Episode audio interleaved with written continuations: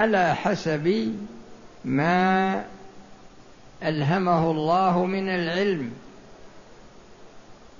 ما ألهمه الله من العلم قد يخطئ وقد يصيب. هذا من جهة. ومن جهة ثانية ومن جهة ثانية الشخص عندما يكون عمله متعديا لا قاصرا يكون متعديا. بالنظر للأشخاص الذين لهم علاقة به وهم مأمورون بالاقتداء به هل يشترط ان فكون من الكلام. هل يشترط أن يكون هذا الشخص المتبع يكون على يقين من الشخص الذي يتبعه أو يكفي مجرد الظن؟ وأذكر لكم جملة من الأمثلة على أساس أنكم تعرفون هذا الموضوع على مستوى الشريعة كلها. الآن الشخص إذا تقدم إماما في الصلاة إذا تقدم إماما في الصلاة أنت تقتدي به.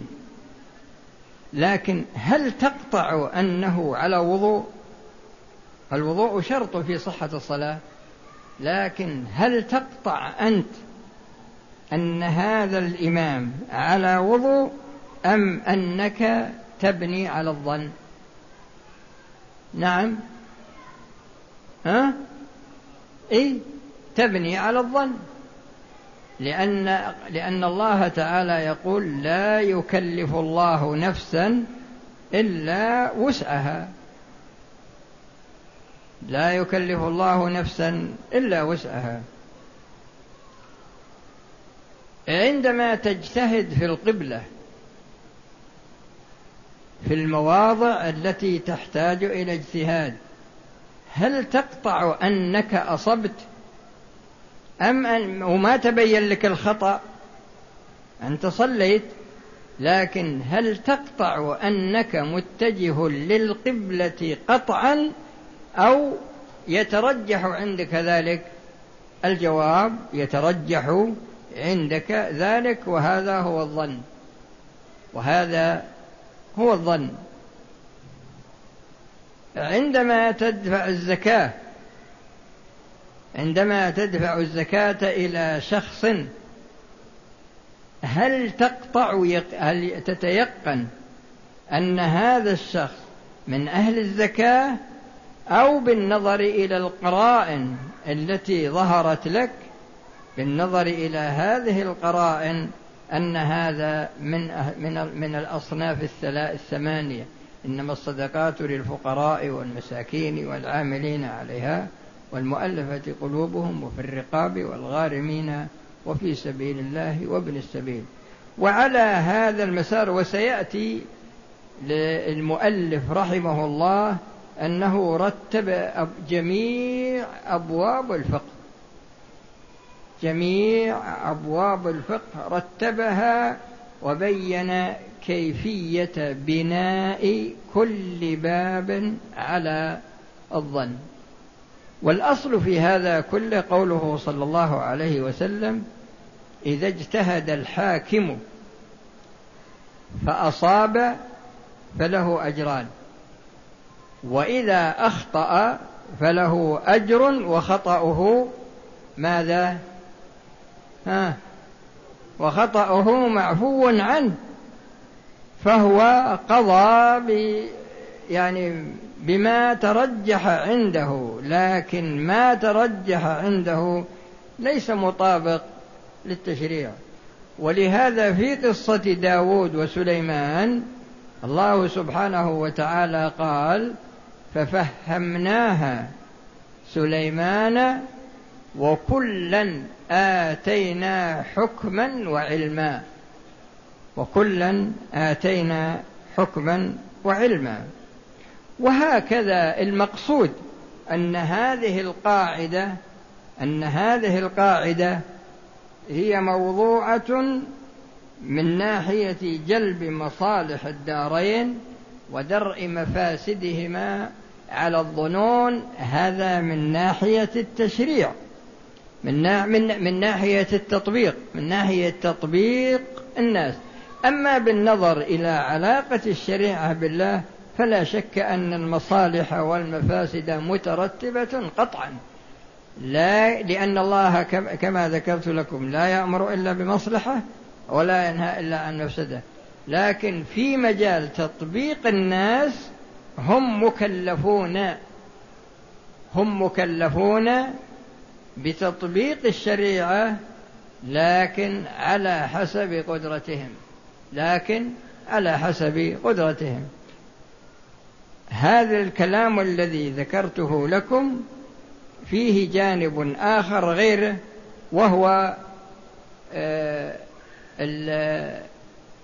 الظن في الوسائل لأن فيه الآن يعني بناء الأحكام أو ترتب المصالح والمفاسد وكونها مبنية على الظنون. هذا في الغايات وكذلك بالنظر إلى الوسائل. بالنظر إلى الوسائل. الإنسان يسافر من بلد إلى بلد هل يقطع؟ هل يقطع بالسلامة؟ ولا يغلب على ظن يركب سيارته؟ ولا يطلع من بيته بيترزق الله؟ يعني يستخدم الوسائل. استخدام الوسائل أيضا مبني على الظنون. مبني على الظنون. فتبين لنا من هذا أن الغايات والمقصود بالغايات هنا لأن فيه غاية فيه غاية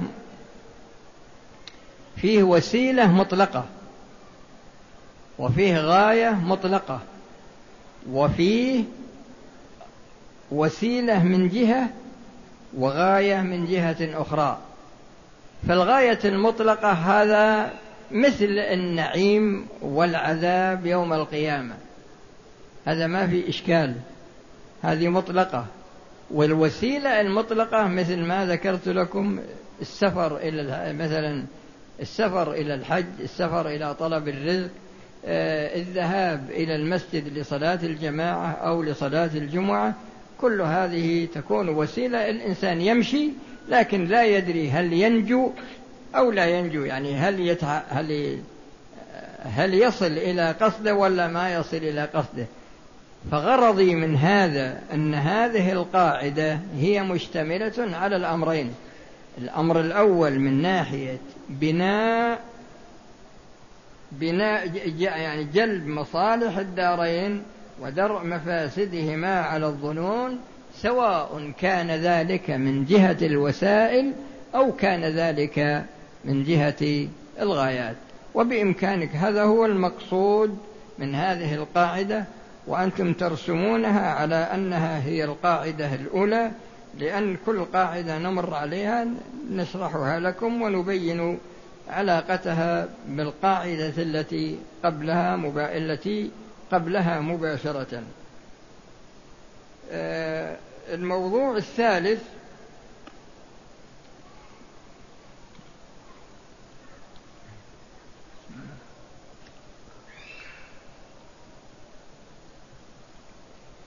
الموضوع الثالث يتعلق بتعريف البدعة.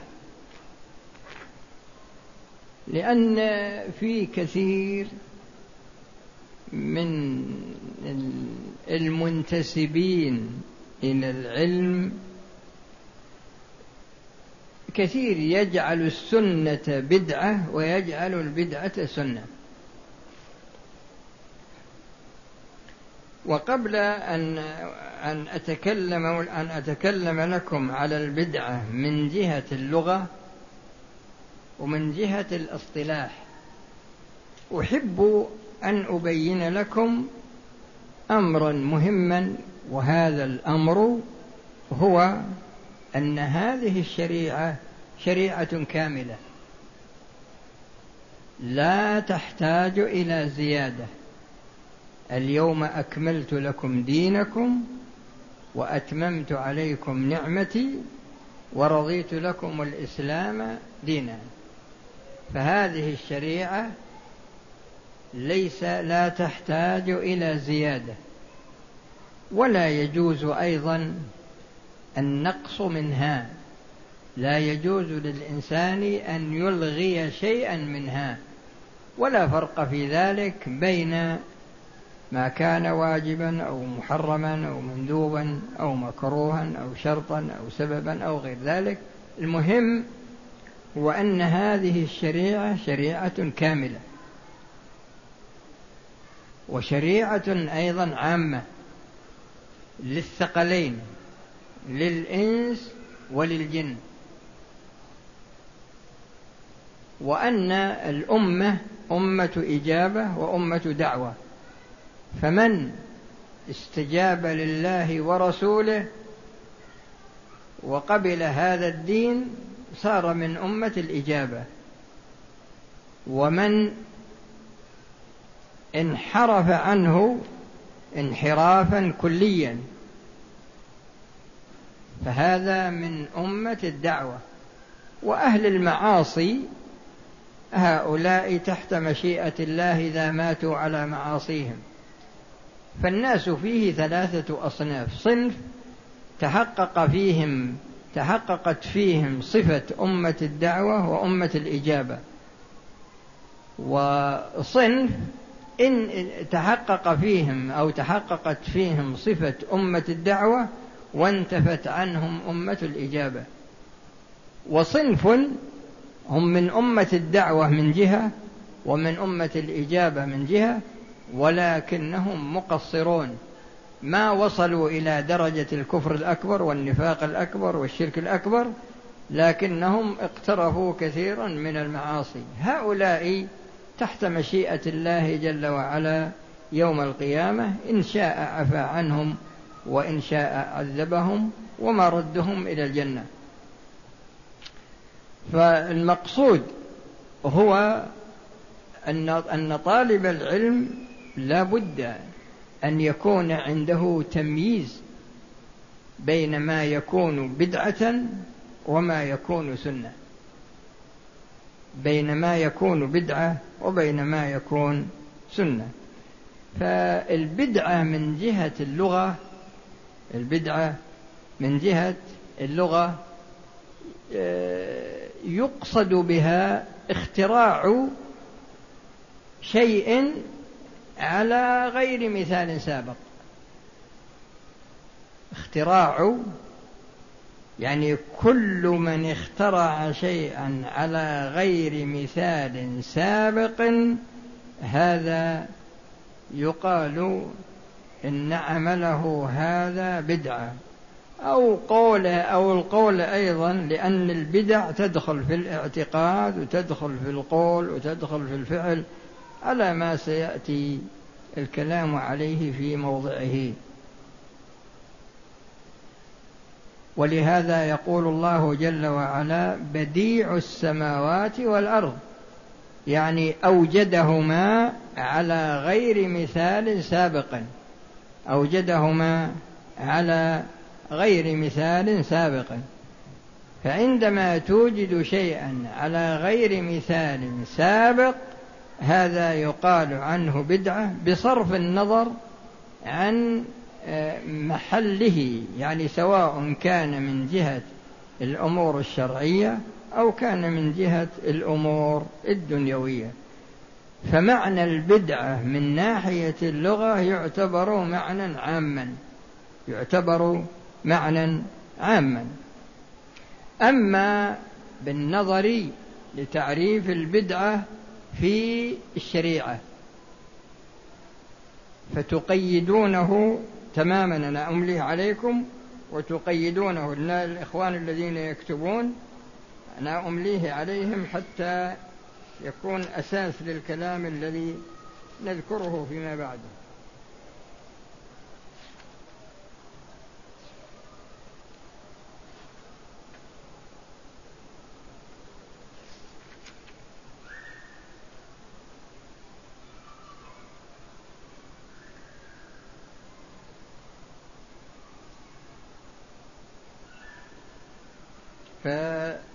فالبدعة من ناحية الأصطلاح ذكر تعريفين. أنا أذكرهما لكم وأبين لكم آه، المختار منهما. فهو هنا يقول البدعة عبارة عن طريقة في الدين مخترعة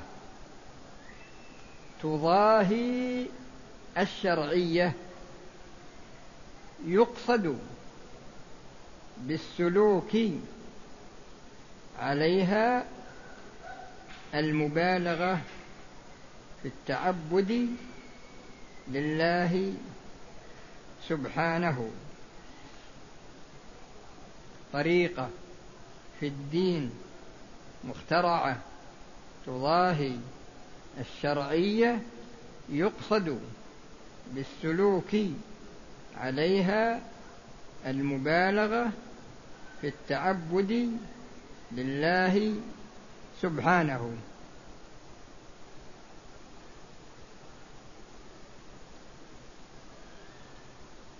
هذا التعريف الأول. التعريف الثاني طريقة في الدين مخترعة تضاهي الشرعية يقصد بالسلوك عليها ما يقصد بالطريقة الشرعية. طريقة في الدين مخترعة تضاهي الشرعية يقصد بالسلوك عليها ما يقصد بالطريقة الشرعية.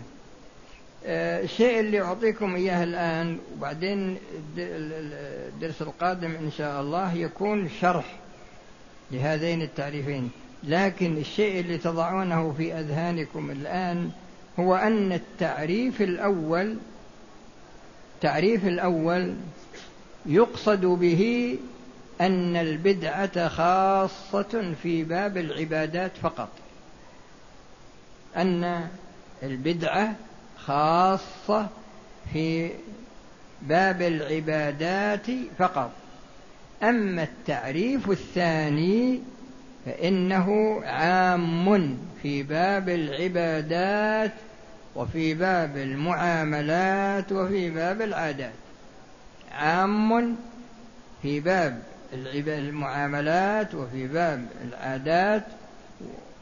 هذا هو الفرق بين هذا التعريفين وإن شاء الله الدرس القادم أتكلم لكم على شرح التعريفين وأبين لكم المختار منهما بإذن الله. والسلام عليكم ورحمة الله وبركاته. وإذا كان فيه أحد عنده أسئلة تتعلق بهذه بما سمعتم إذا كان أحد عنده إشكال فيما سمعتم فما في مانع من كتابة السؤال والنظر فيه وبعد ذلك الإجابة عليه الإجابة عليه.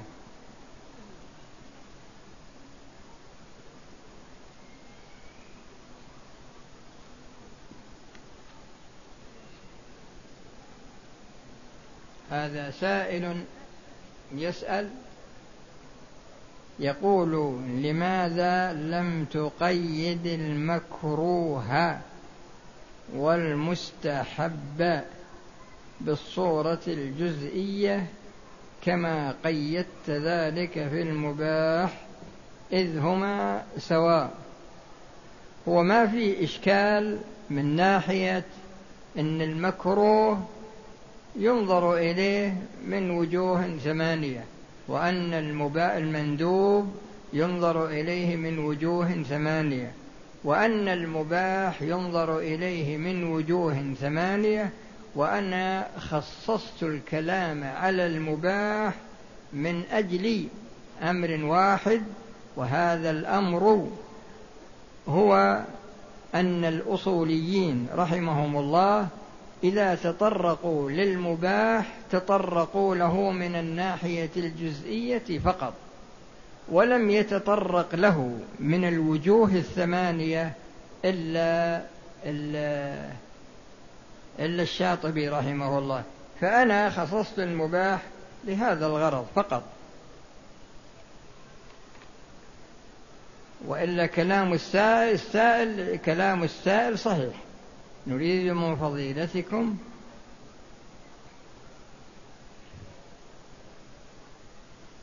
آه، المقصود من الدليل العقلي الدليل العقلي هذا مستنده العقل.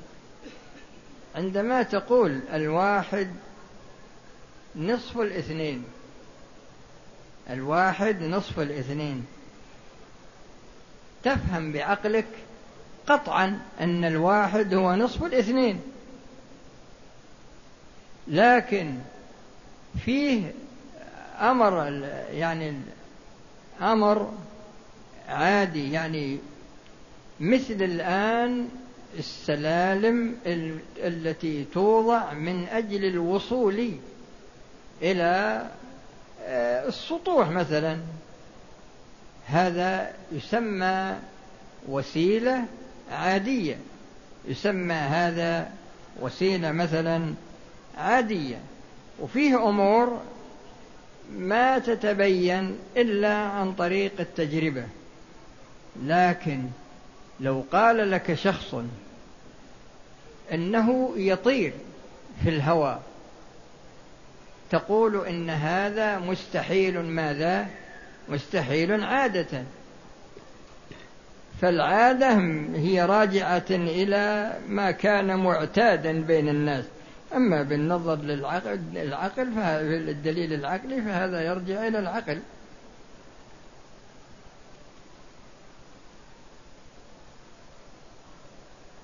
يقول هل يا شيخ قولهم إن بناء الشريعة على جلب المصالح مشتمل على نزعة اعتزالية في القول بمراعاة لا المعتزلة يقولون يجب على الله يجب على الله يوجبون على الله وهم المعتزلة عندهم الاعتماد على العقل والشرع تبع. هذا من الفروق بين المعتزلة وبين أهل السنة. عندهم أن العقل هو الأصل. فما وافقه من الشرع قبلوه وما خالفه من الشرع ردوه. ولهذا في بعض الأشخاص الآن المنتسبين إلى العلم في عصرنا الحاضر عندهم نزعة اعتزالية يقولون إن هذا الحديث مثلا أو هذه الآية لا يتلاءم تطبيقها على الناس الآن. لا يتلاءم تطبيقها على الناس. مثل الآن حد حد الزنا تطبيق حد الزنا على الثيب. يعني يعتمدون على عقولهم. يعتمدون على عقولهم. أما بالنظر إلى كون أن الشريعة مبنية على المصالح فالله جل وعلا قال وما خلقت الجن والإنس ها إلا ليعبدون. أفحسبتم؟ أنما خلقناكم عبثا وأنكم إلينا لا ترجعون. وأنكم إلينا لا ترجعون. ففيه فرق بين بناء الشريعة على جلب المصالح ودرء المفاسد وبين أصل المعتزلة في المصالح والمفاسد. وقد بينت لكم ذلك. قلتم إن الله ورسوله. أمران وش بمفس لا يأمراني. وش لا يأمراني؟ لا يأمران بمفسدة إطلاقا وقد يستثنى من ذلك بعض الأمور. هذا هذا ذكرته لكم أنا في الدرس الماضي. ذكرت لكم ولهذا أنا جبت كلمة في أثناء الكلام لكنك أنت لم تنتبه علي لها أيها السائل. أنا قلت إلا ما استثني أو إلا ما خص.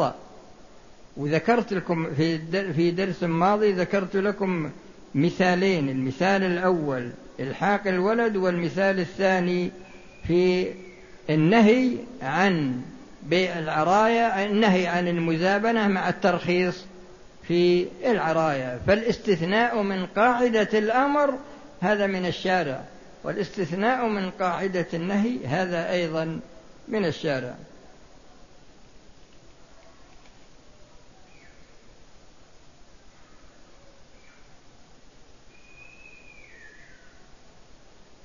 يقول يعني يقول إذا أوجب الله شيء هل أوجبه عبثا؟ يعني هل يوجد في الشريعة واجب على سبيل العبث؟ هل يوجد في الشريعة نهي على سبيل التحريم على سبيل العبث؟ طبعا هذا ما هو موجود. الله يصلح. كنت سؤالك.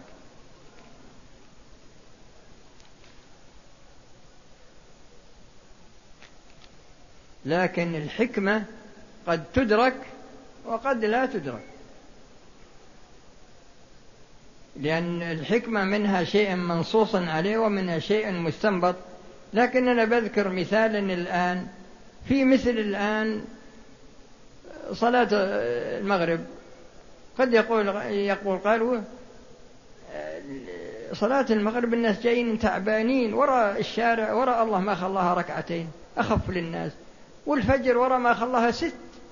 الناس قايمين من النوم ونشيطين يخلي صلاة الفجر ركعتين والناس قايمين مرتاحين ويخلي صلاة المغرب ثلاث ركعات والناس جايين تعبانين. هذا دخول فيما لا يعني الإنسان. وبعدين ولا يقول الله وراه يخلي صلاة الظهر أربعة ويخلي صلاة المغرب ثلاث ويخلي صلاة الفجر ثنتين. لأن فيه أمور ما يسأل عنها الإنسان. من ناحية الكم ومن ناحية الكيف وكذلك من ناحية الأصل. هذه ما يسأل عنها الإنسان لأن هذا اعتراضا على الله. نريد منكم مثالا على ما هو غاية من جهة ووسيلة من جهة أي أنه متوسط بين الغاية المطلقة والوسيلة المطلقة. اليوم حنا مصلين العشاء. نعطيك نجيب لك مثال قريب. صلينا العشاء أنت ماشي من البيت للمسجد تبي تصلي العشاء. مجيئك من البيت للمسجد هذا وسيلة مطلقة. أنت جئت تصلي من أجل أن تنال رضا الله ومن أجل أن تتجنب غضبه ومن أجل أيضا أن يتفضل الله عليك بالثواب. هذه هي الغاية المطلقة. والصلاة وسيلة باعتبار ما فوقها وغاية باعتبار ما تحتها. وهذا الكلام الذي ذكرته لكم هذا مضطرد في جميع فروع الشريعة. فتجد الفرع يكون غاية باعتبار ما تحته ويكون وسيلة باعتبار ما فوقه. ففيه الوسائل المطلقة والغايات المطلقة والشيء الذي يكون غاية باعتبار ما تحته ووسيلة باعتبار ما ما فوقه. وذكرت لك المثال هذا. خذ الطهارة مثال خذ الصيام خذ الزكاة خذ الحج خذ أي باب من أبواب الشريعة تجد أن هذا الكلام موجود فيه.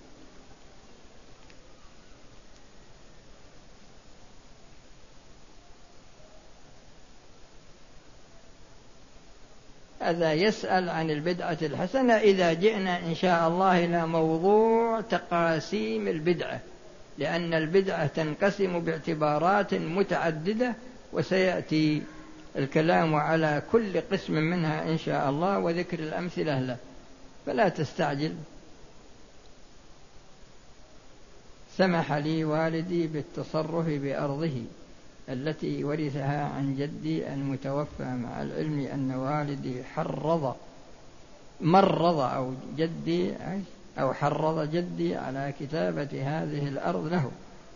دون الورثة إذا كان أنه معطيها والدك بدون حق شرعي فلا يجوز له لأن الرسول صلى الله عليه وسلم يقول اتقوا الله واعدلوا بين أولادكم. وإذا كان أعطاه هذه الأرض بالنظر إلى أن في حق في ذمته لولده وأن هذه الأرض في مقابل ذلك الحق على سبيل السواء فليس في ذلك شيء.